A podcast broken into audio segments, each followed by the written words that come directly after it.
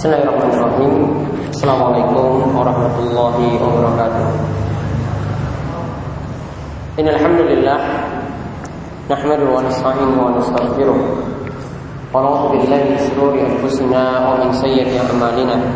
Man yahdihillahu fala mudilla lahu wa man yudlilhu fala Wa asyhadu an la ilaha illallah وحده لا شريك له واشهد ان محمدا عبده ورسوله اللهم صل على نبينا وسيدنا محمد وعلى اله ومن تبعهم بإحسان الى يوم الدين اللهم انفعنا بما علمتنا وعلمنا ما ينفعنا وزدنا علما اللهم أصلح لنا ديننا الذي هو عصمة أمرنا وأصلح دنيانا التي فيها معاشنا وأصلح آخرتنا التي فيها معادنا واجعل الحياة زيادة لنا في كل خير واجعل الموت راحة لنا من كل شر Baik, ikhwani fiddin wa akhwati fillah rahimani wa rahimakumullah para jamaah sekalian yang semoga selalu dirahmati dan diberkahi oleh Allah Subhanahu wa taala pada kesempatan malam hari ini seperti biasa kita akan melanjutkan kembali pembahasan kita dari kitab yang Solihin karya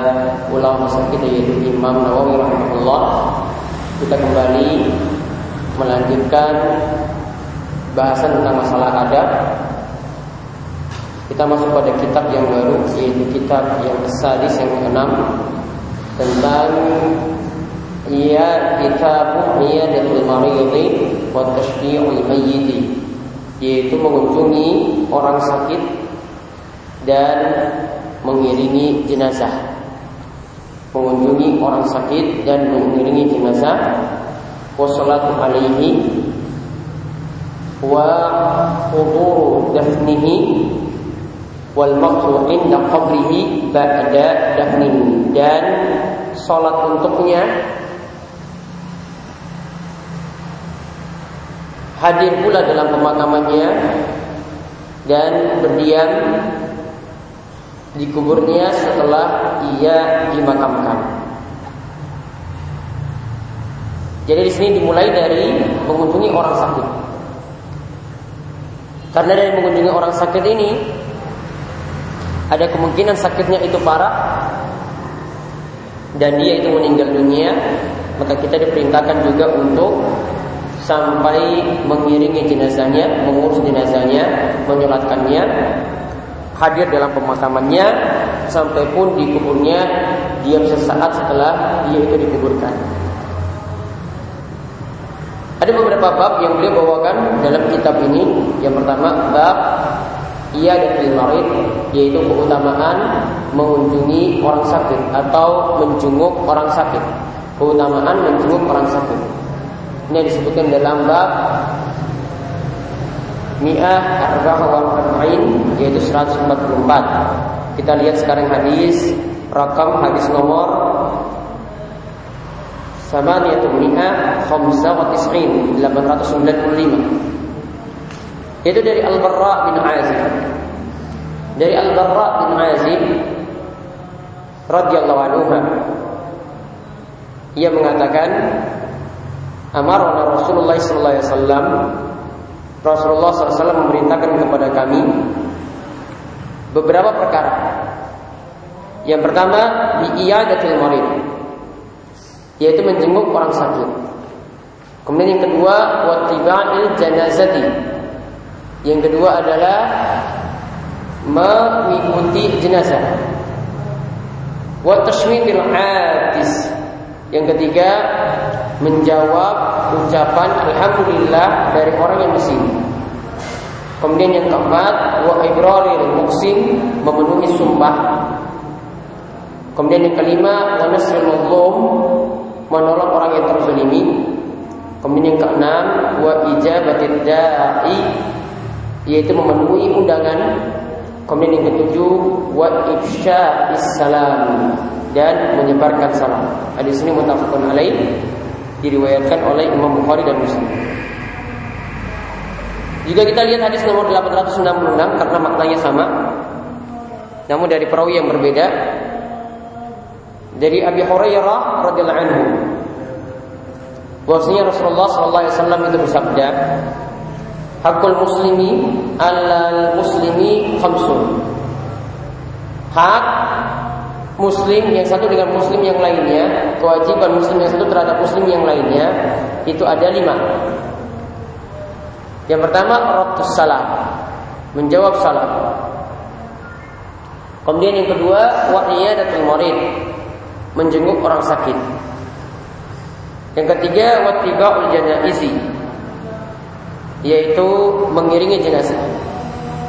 Kemudian yang keempat wa ijabatut da'wati dan memenuhi undangan.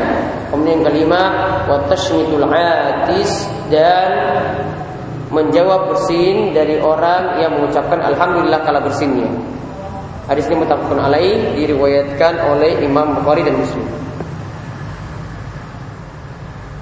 Maka ada beberapa hal yang bisa kita tarik kesimpulan dari dua hadis yaitu dari hadis Barra dan juga dari hadis Abu Hurairah. Yang pertama tentang masalah mengunjungi orang sakit. Bagaimanakah hukumnya? Untuk dua hal yaitu mengunjungi orang sakit dan mengiringi jenazah, para ulama jelaskan hukumnya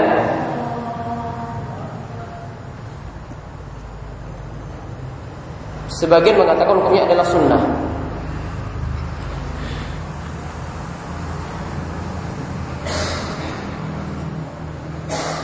Seperti ini pendapat dari ulama Syafi'iyah dan ulama Hambali mengunjungi orang sakit itu dianggap sunnah begitu pula dengan mengiringi jenazah.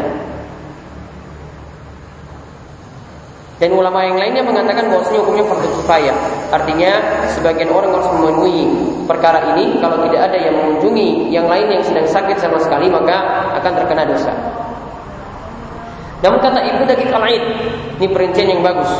Kata Ibnu Dakik Al-Aid, bahwasanya mengunjungi orang sakit atau menjenguk orang sakit bisa jadi wajib. Idza kana al-maridu mutarran ila man yata'ahaduhu. Jika orang yang sakit itu benar-benar butuh terhadap perhatian orang yang akan mengunjunginya. Mungkin ini berlaku untuk orang-orang tertentu. Misalnya ada seorang ibu yang sakit. Dia ingin anaknya itu hadir di tengah-tengah dia itu sakit. Maka kehadiran anak tadi menjadi wajib. Karena ibunya benar-benar kotor, benar-benar butuh ketika itu.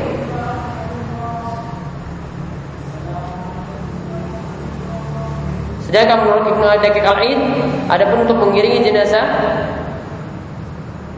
kalau ini maksudkan di sini adalah dalam hal menyolati jenazah, maka hukumnya adalah fardu kifayah.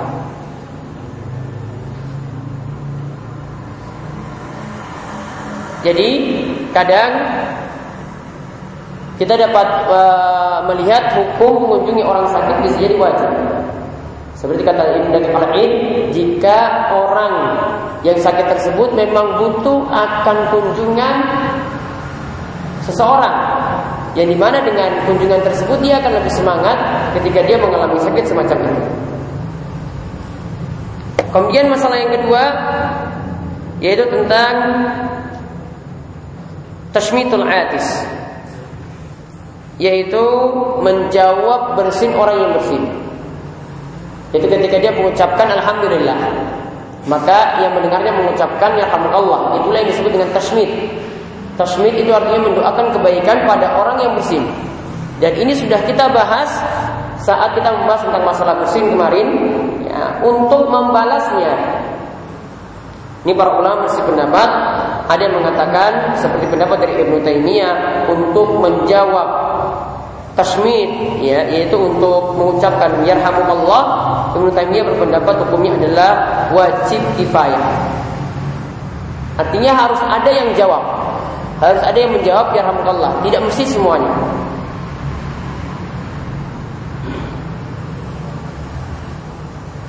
Adapun jika bersihnya sampai tiga kali,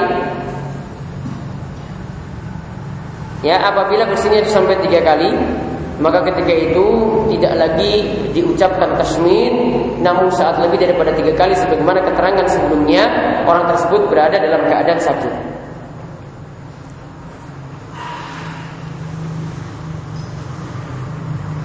kemudian ada keterangan lagi.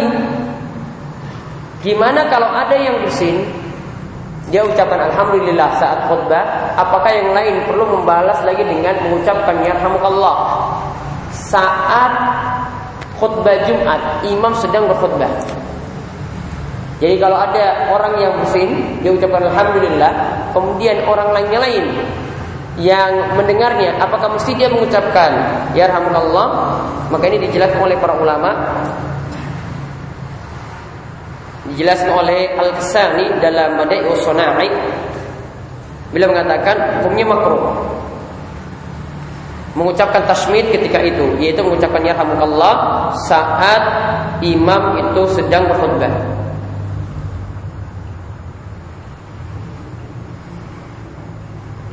karena menurut beliau di sini menjawab bersin tadi hukumnya tidak sampai wajib maksudnya wajib ain Ya tidak sampai wajib, dia berpendapat tidak sampai wajib. Sedangkan mendengarkan khutbah itu lebih wajib.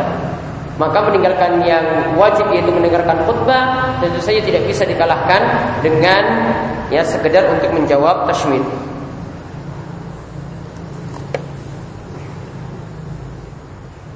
Kemudian di Ibrahim Musim memenuhi sumpah. Jadi misalnya seorang itu bersumpah bahwasanya dia akan melakukan suatu kewajiban atau dia bersumpah akan meninggalkan suatu keharaman, maka sumpahnya itu wajib dipenuhi. Karena memenuhi sumpah di sini, para ulama katakan ini berkaitan dengan hak Allah.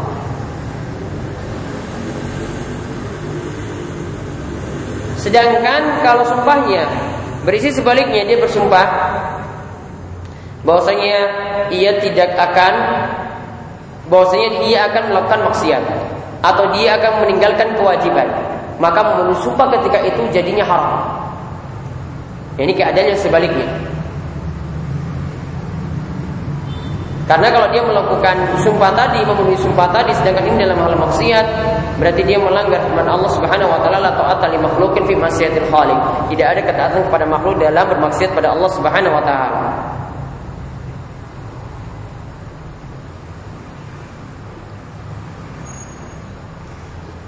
Maka sumpah seperti itu wajib untuk dibatalkan. Ya, sumpah seperti itu wajib dibatalkan dan tidak boleh dipenuhi. Kemudian bagaimana juga kalau orang itu bersumpah misalnya dia ingin melakukan yang makruh dan meninggalkan yang sunnah, maka ketika itu juga dia disunahkan untuk membatalkan sumpahnya. Dan sumpahnya itu tidak dia penuhi. Sebaliknya lagi ada yang bersumpah lagi ia akan melakukan yang sunnah atau yang mubah atau dia meninggalkan yang makruh maka disunahkan dia memenuhi sumpah tersebut. Jadi memenuhi sumpah di sini dilihat dari isi sumpahnya seperti apa. Jika dalam ketaatan maka wajib dia itu penuhi. Jika dalam maksiat maka tidak boleh dipenuhi. Jika dalam hal sunnah maka hukumnya sunnah untuk memenuhi sumpah. Jika dalam hal makruh maka memenuhinya juga makruh. Sedangkan kalau ingin membatalkan sumpah, maka harus melakukan tiga hal. Memilih di antara tiga hal. Yang pertama, membebaskan satu orang budak. Atau memberi makan kepada seorang eh, sepuluh orang miskin. Atau memberi pakaian pada sepuluh orang miskin. Jika tidak mampu, dari ketiga hal tadi, ya tiga hal tadi dipenuhi terlebih dahulu. Kalau tidak mampu baru berpuasa selama tiga hari dan tidak mesti berturut-turut. Saya ulang untuk memenuhi uh, kafar sumpah tebusan jika sumpah itu dibatalkan, maka yang dipenuhi adalah dia harus memilih dari tiga hal. Yang pertama membebaskan seorang budak atau memberi makan kepada sepuluh orang miskin atau memberi pakaian pada sepuluh orang miskin. Kalau tiga hal itu tidak mampu, barulah berpuasa selama tiga hari. Berpuasa ini ada ketika tiga hal tadi tidak mampu. Namun kalau masih mampu memberi makan, maka memberi makan. Kalau masih mampu memberi pakaian, maka memberi pakaian. Tidak boleh langsung beralih kepada puasa. Kemudian kita bahas lagi di sini adalah menolong orang yang zalim. Para ulama katakan bahwasanya menolong orang yang terzolimi, yang dia disakiti, yang dia diperlakukan secara tidak pantas, maka hukumnya adalah fardu kifayah. Fardu kifayah bagi orang yang mampu untuk menolongnya. Karena tujuannya di sini adalah untuk menghilangkan kemungkaran dan untuk mencegah kemudaratan pada saudaranya. Sebagaimana ada perkataan dari Imam Syaukani, yajibu nasrul madlum wa dab'u man arada izlalahu biwajib min al-wujub wa hadha mimma la a'lamu fihi khilafan. Beliau katakan Asy-Syaukani itu mengatakan bahwasanya wajib menolong orang yang terzalimi dan juga dia melawan orang yang berusaha untuk membuat kesoliman tersebut dengan cara apa pun. Dan beliau katakan monolog seperti ini tidak ada sama sekali persen di antara para ulama. Kemudian yang berikutnya lagi yang dibahas adalah memenuhi undangan. Memenuhi undangan di sini yang dimaksudkan sini adalah memenuhi undangan walimah yaitu memenuhi undangan nikah. Maka para ulama di sini ada beberapa pendapat. Pendapat yang lebih tepat adalah pendapat jumhur. Yaitu pendapat mayoritas ulama. Bahwasanya memenuhi undangan walimah itu wajib. Memenuhi undangan nikah itu wajib. Sedangkan ulama Abu, ulama Hanafiyah Abu Hanifah itu menyatakan bahwa hukumnya adalah sunnah. Ulama sebagian ulama Hambali mengatakan hukumnya fardu.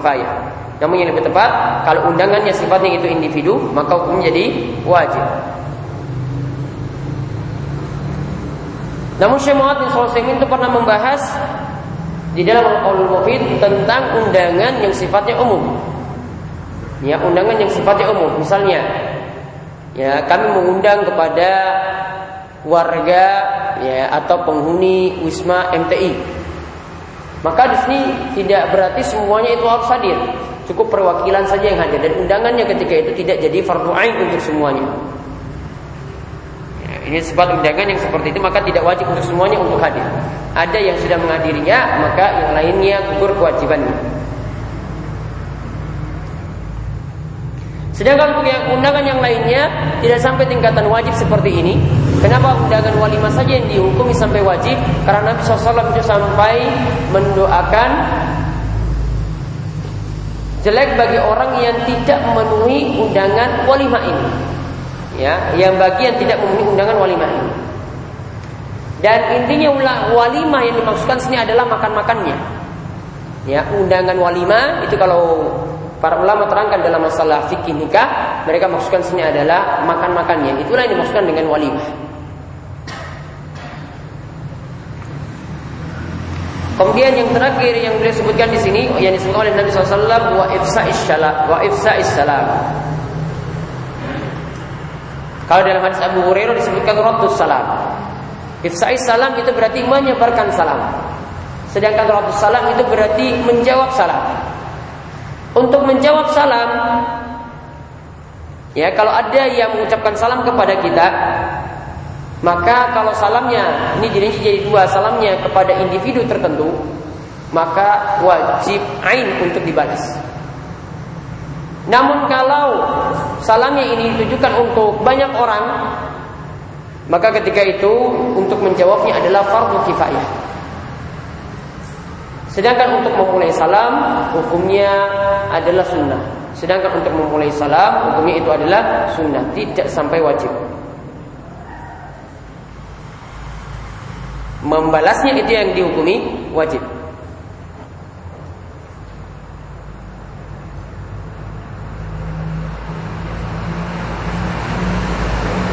Nah itu yang disebutkan dalam hadis Barra bin Azib dan Abu Hurairah. Sekarang kita lihat hadis nomor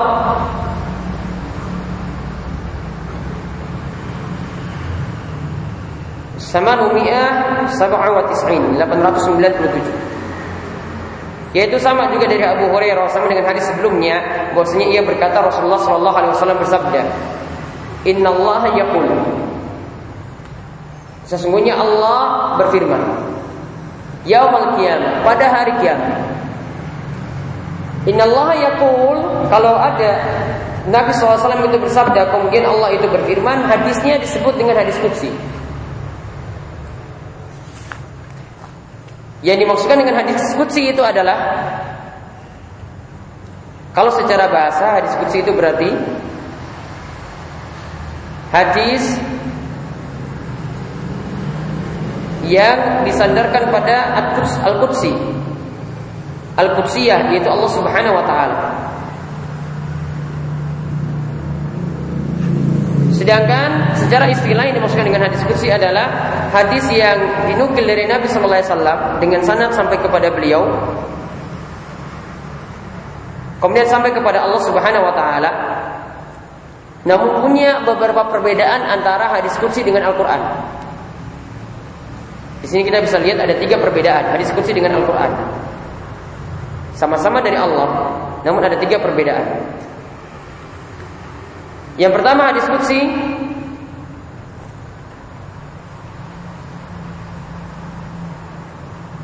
Maknanya dari Allah, lafaznya dari Nabi Shallallahu Alaihi Wasallam. Maknanya dari Allah, lafaznya dari Nabi Shallallahu Alaihi Wasallam. Sedangkan Al-Quran, lafaz dan maknanya dari Allah.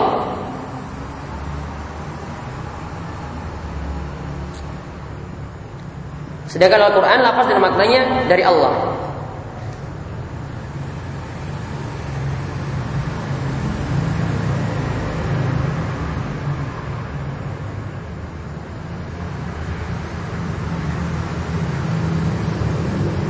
Kemudian perbedaan yang kedua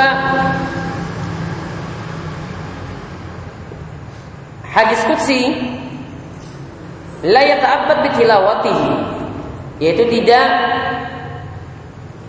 diberitakan, diperintahkan sebagai ibadah yang khusus ketika membacanya. Tidak diperintahkan sebagai ibadah yang khusus ketika membacanya. Jadi tidak punya waktu-waktu khusus baca hadis kursi itu kapan? Tidak. Sedangkan Al-Quran menjadi ibadah khusus ketika membacanya. Al-Quran kadang waktu tertentu kita diperintahkan untuk baca Al-Quran. Ketika sholat subuh pada hari Jumat baca surat As-Sajdah. Jadi bahan tilawah ketika itu. Namun diskusi tidak, tidak ada waktu-waktu istimewa seperti tadi dijadikan ibadah yang khusus. Kemudian yang ketiga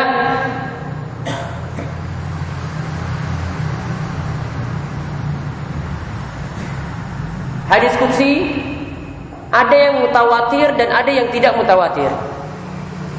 Mutawatir itu maksudnya diriwayatkan oleh yang banyak.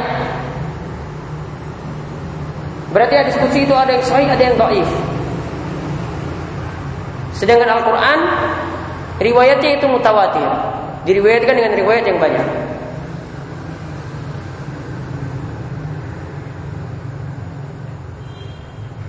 Diriwayatkan dengan riwayat yang banyak.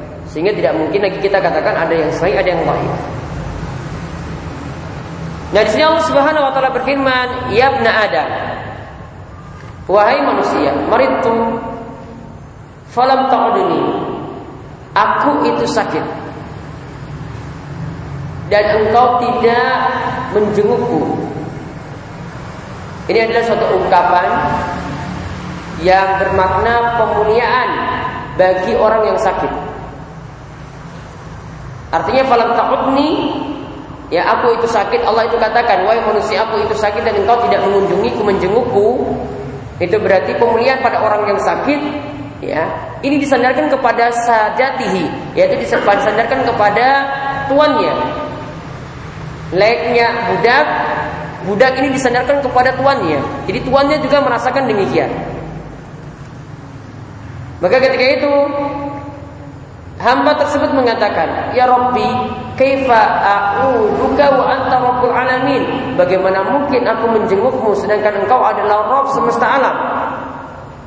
Kemudian Allah berfirman, "Ama 'alimta anna 'abdi fulanan marida falam ta'udhu?" Ama di sini emanya adalah uh, huruf nafi. Bukankah engkau tahu bahwasanya hambaku itu yaitu si fulan itu mari sakit. Lantas engkau tidak menjenguknya? Ama alimta annaka law ubtahu lawajadtani indahu. Tidakkah engkau tahu bahwasanya jika engkau mengunjunginya nanti engkau akan mendapatiku di sisinya. Ini penggalan yang pertama.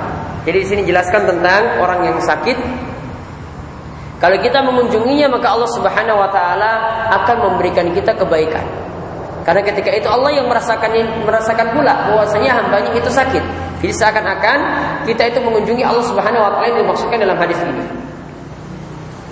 Kemudian yang kedua, ya Ibn Adam, istat'amtuka falam tut'imuni.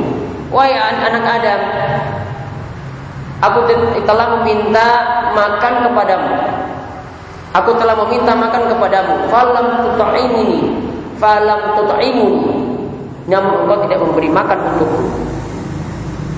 Kemudian Allah Subhanahu wa taala uh, kemudian hamba tadi itu mengatakan kepada Allah, "Ya Rabbi, kaifa ut'imuka wa anta rabbul alamin?" Bagaimana mungkin aku memberi makan untukmu sedangkan engkau adalah Rabb semesta alam? Kemudian Allah berfirman, "Ama alimta annahu istat'amaka abdi fulan falam tut'imuhu?" Bukankah engkau tahu bahwasanya ada seseorang hamba yaitu hambaku itu meminta makan kepadamu yaitu si fulan. Hambaku itu si fulan dia meminta makan kepadamu. Lantas engkau tidak memberi makan untuknya? Ama alimta annaka law law law at'amtu tahu lawajadta zalika indi dan tidakkah engkau tahu bahwasanya tatkala engkau memberi makan untuknya maka engkau akan mendapati mendapatiku di sisinya, akan mendapatiku di sisinya. Ini tentang yang kedua ini tentang keutamaan memberi makan pada orang lain. Kemudian yang ketiga, ya ibnu Adam, istasqaituka falam tasqini. Wahai anak Adam, aku telah memberi makan untukmu, aku telah meminta makan untukmu, aku telah meminta makan padamu, namun engkau tidak aku telah mem, uh, meminta minum kepadamu namun engkau tidak memberikan minum kepadaku. Kemudian hamba tersebut mengatakan, "Ya Rabbi, kaifasqika wa anta rabbul alamin?" Bagaimana aku aku dapat memberikan minum untukmu sedangkan engkau itu adalah Rabb semesta alam. Kemudian Allah mengatakan istasqaqa abdi fulanun falam tasqihi hambaku yaitu si fulan itu telah meminta minum kepadamu namun engkau tidak memberikan minum padanya amma alimta annaka law saqaitahu la wajadta zalika indi tidakkah engkau tahu bahwasanya seandainya engkau itu memberikan minum kepadanya maka engkau akan mendapati demikian itu di sisiku Rawahu Muslim hadis ini diriwayatkan oleh Imam Muslim. Jadi hadis ini membicarakan tiga hal. Dan di sini memakai ibarat seakan-akan Allah itu yang sakit, seakan-akan Allah itu yang butuh makan, seakan-akan Allah itu yang butuh minum. Namun ada keterangan dari Al-Qadiyat berikut ini.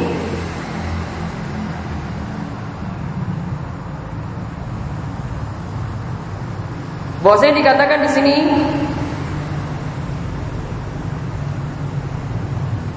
Al-Qadiyat mengatakan bahwasanya para ulama ya para ulama telah menafsirkan sakit di sini bahwasanya yang sakit itu adalah makhluk yaitu manusia. Sedangkan bentuk penyandaran sakit ini kok Allah yang nyatakan dirinya sakit ini menunjukkan bahwasanya ini tashrifan lil abdi. Ini pemuliaan kepada orang yang sakit wa takriban lahu dan ini menunjukkan bahwasanya Allah itu benar-benar dekat pada orang yang sakit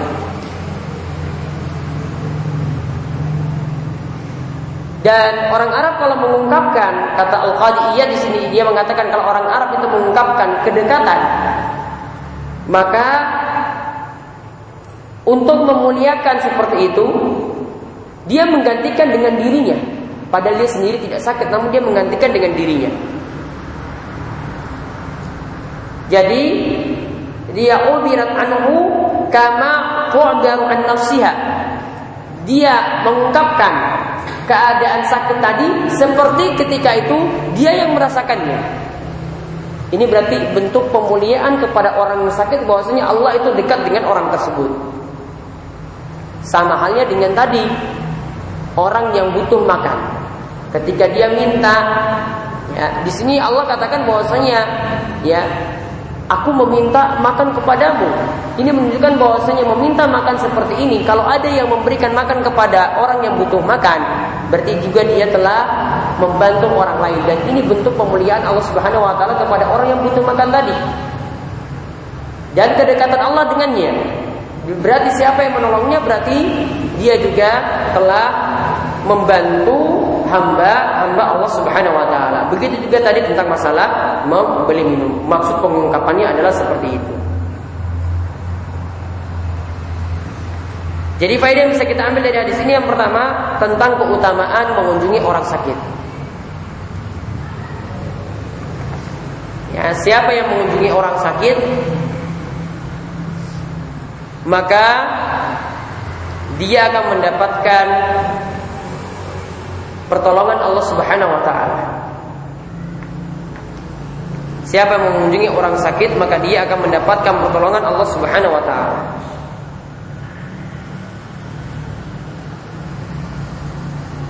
Dan mendapatkan kedudukan yang mulia.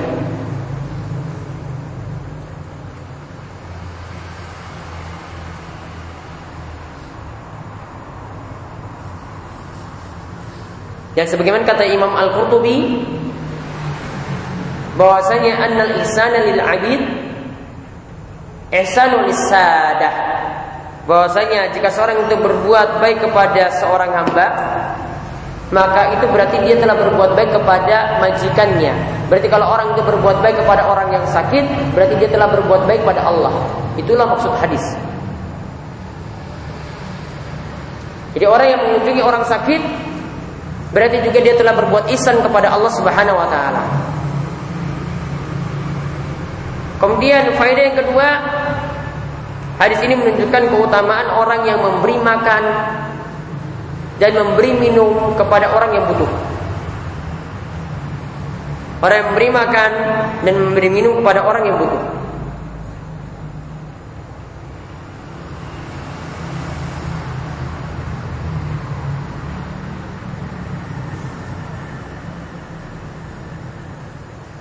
Dan memberi makan pada orang yang lapar hukumnya adalah fardu kifayah. Harus ada yang membantu. Jika ada yang lapar, maka ada harus ada yang membantu. Hukumnya fardu kifayah. Karena ini demi menjaga kesehatannya, bahkan lebih daripada itu menjaga supaya orang tersebut tetap hidup.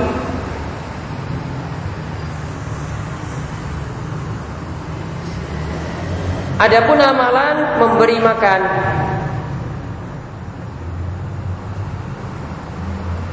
seperti ini, ini adalah amalan-amalan yang dapat membuat seorang itu masuk surga. Sebagaimana Nabi SAW itu pernah motivasi hal ini ketika bertanya kepada para sahabat dan ketika itu ada Abu Bakar yang menjawabnya. Nabi SAW bertanya, yang pertama pertanyaan beliau, man asbahal yauma minkum iman. Siapa yang hari ini di antara kalian yang berpuasa? Maka ketika itu Abu Bakar mengatakan anak saya. Kemudian yang kedua, Nabi SAW tanya lagi, man ada minkumul yawma maridon. Siapa yang hari ini mengunjungi orang sakit? Nah ini yang berkaitan dengan hadis yang kita bahas. Maka Abu Bakar ketika itu menjawab anak saya. Kemudian Nabi SAW bertanya lagi, man syaidah minkumul yawma janazatan. Siapa di antara kalian yang menghadiri jenazah ketika dimakamkan? Maka ketika itu Abu Bakar lagi menjawab anak saya. Amalan yang ketiga, amalan yang pertama tadi puasa, amalan yang kedua itu adalah mengunjungi orang sakit, amalan yang ketiga mengiringi jenazah.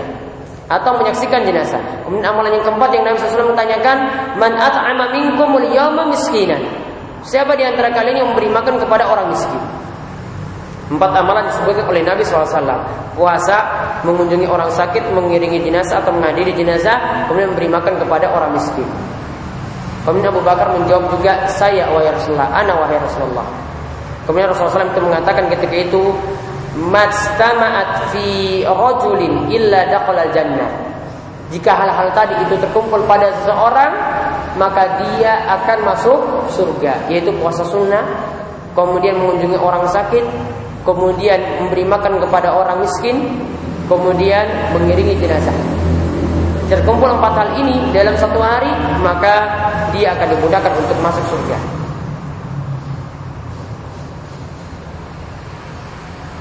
Dan di sini juga menunjukkan tadi yang disinggung tentang keutamaan memberi minum kepada orang yang butuh. Sebagaimana ada seorang ya yang Nabi SAW itu menceritakan ada seorang yang pernah memberikan minum kepada anjing. Ketika dia berjalan, dia dalam keadaan haus dan dia mendapati sumur. Fanazala fiha fashariba. Turun ke sumur kemudian dia minum dari air sumur tersebut. Summa kharaja. Kemudian ketika dia keluar, faiza kalbun yalhas yaqulu taraf minal atas. Kemudian dia melihat anjing dalam keadaan menjulurkan lidah yang menunjukkan anjing tersebut haus. Faqala rajul, maka orang ini mengatakan, laqad balagha hadzal qalba min al-atashi misal ladzi kana balagha minni. Aku melihat anjing ini dalam keadaan haus sebagaimana rasa haus yang telah aku dapatkan. Maka dia kemudian turun lagi ke dalam sumur. Fa'amala khuffahu ma'an, lalu sepatu khufnya dia isi dengan air. Suma amsakahu bi hatta raqiya. Kemudian dia gigit sepatunya tadi, bawa naik ke atas, manjat lagi sumur tersebut, lalu sampai di atas fasaqal kalba dia memberikan minum kepada kepada anjing tadi. Maka dikatakan dalam hadis fasyakarallah fasyakarallahu lahu. Allah berterima kasih kepadanya. Faghfara dan Allah memberikan ampunan kepadanya. Kemudian Para sahabat itu bertanya, "Ya Rasulullah, wa inna lana fi hazil bahair la ajran?" Apakah kalau kita memberikan minum kepada hewan-hewan ternak juga mendapatkan pahala? Maka Nabi SAW itu mengatakan, "Fi kulli kabidin rotbatin ajrun." Setiap yang punya urat leher kalau diberikan minum maka itu akan mendapatkan pahala. Setiap ya urat leher yang diberikan minum yang disegarkan lehernya tadi dengan air maka itu akan sebagai ya pahala yang menjadi simpanan batu. Maka di sini bukan hanya kepada anjing, bukan hanya kepada hewan ternak, lebih-lebih lagi kepada manusia. Ya, lebih-lebih kepada manusia kalau hal ini dilakukan, maka akan mendapatkan ampunan dan balasan yang besar dari Allah Subhanahu wa taala. Kisah ini selain tentang laki-laki ini yang menolong, kisah seperti itu ada juga diceritakan tentang seorang wanita pelacur yang juga menolong seekor anjing yang dalam keadaan haus. Dia mengambil air juga semacam itu, kemudian akhirnya diceritakan juga wanita tersebut juga mendapatkan ampunan. Maka kita melihat inilah keutamaan oh, keutamaan yang besar bagi orang yang memberi minum kepada orang yang dalam keadaan butuh. Makanya di sebagian tempat seperti di kerajaan Saudi Arabia ketika musim-musim haji misalnya ya saat orang-orang itu begitu haus dan butuh air para muslimin orang-orang yang ingin berbuat baik mereka itu cari kesempatan untuk ya cari pahala maka diberikan aqua ketika itu kepada orang-orang yang sedang berhaji Ya, diberikan aqua tujuannya untuk menjalankan hadis ini. Karena setiap memberi minum kepada orang yang butuh itu semuanya akan berbuah pahala. Maka kalau dia beli satu kardus aqua kemudian dia bagikan kepada jamaah yang ada, maka dia akan mendapatkan pahala dan itu semua. Makanya mereka berlomba-lomba ketika itu uh, untuk memberikan minum sampai satu box ya box mobil itu berisi air minum saja untuk diberikan kepada jamaah haji dan itu bukan hanya satu hari namun berulang-ulang kali hal itu dilakukan kepada para jamaah. Nah ini yang bisa kita sampaikan untuk kesempatan kali ini mudah-mudahan bermanfaat dan insya Allah besok masih dilanjutkan lagi tentang beberapa hadis yang menunjukkan keutamaan mengunjungi orang sakit. Sebelum saya tutup ada pertanyaan? Ya.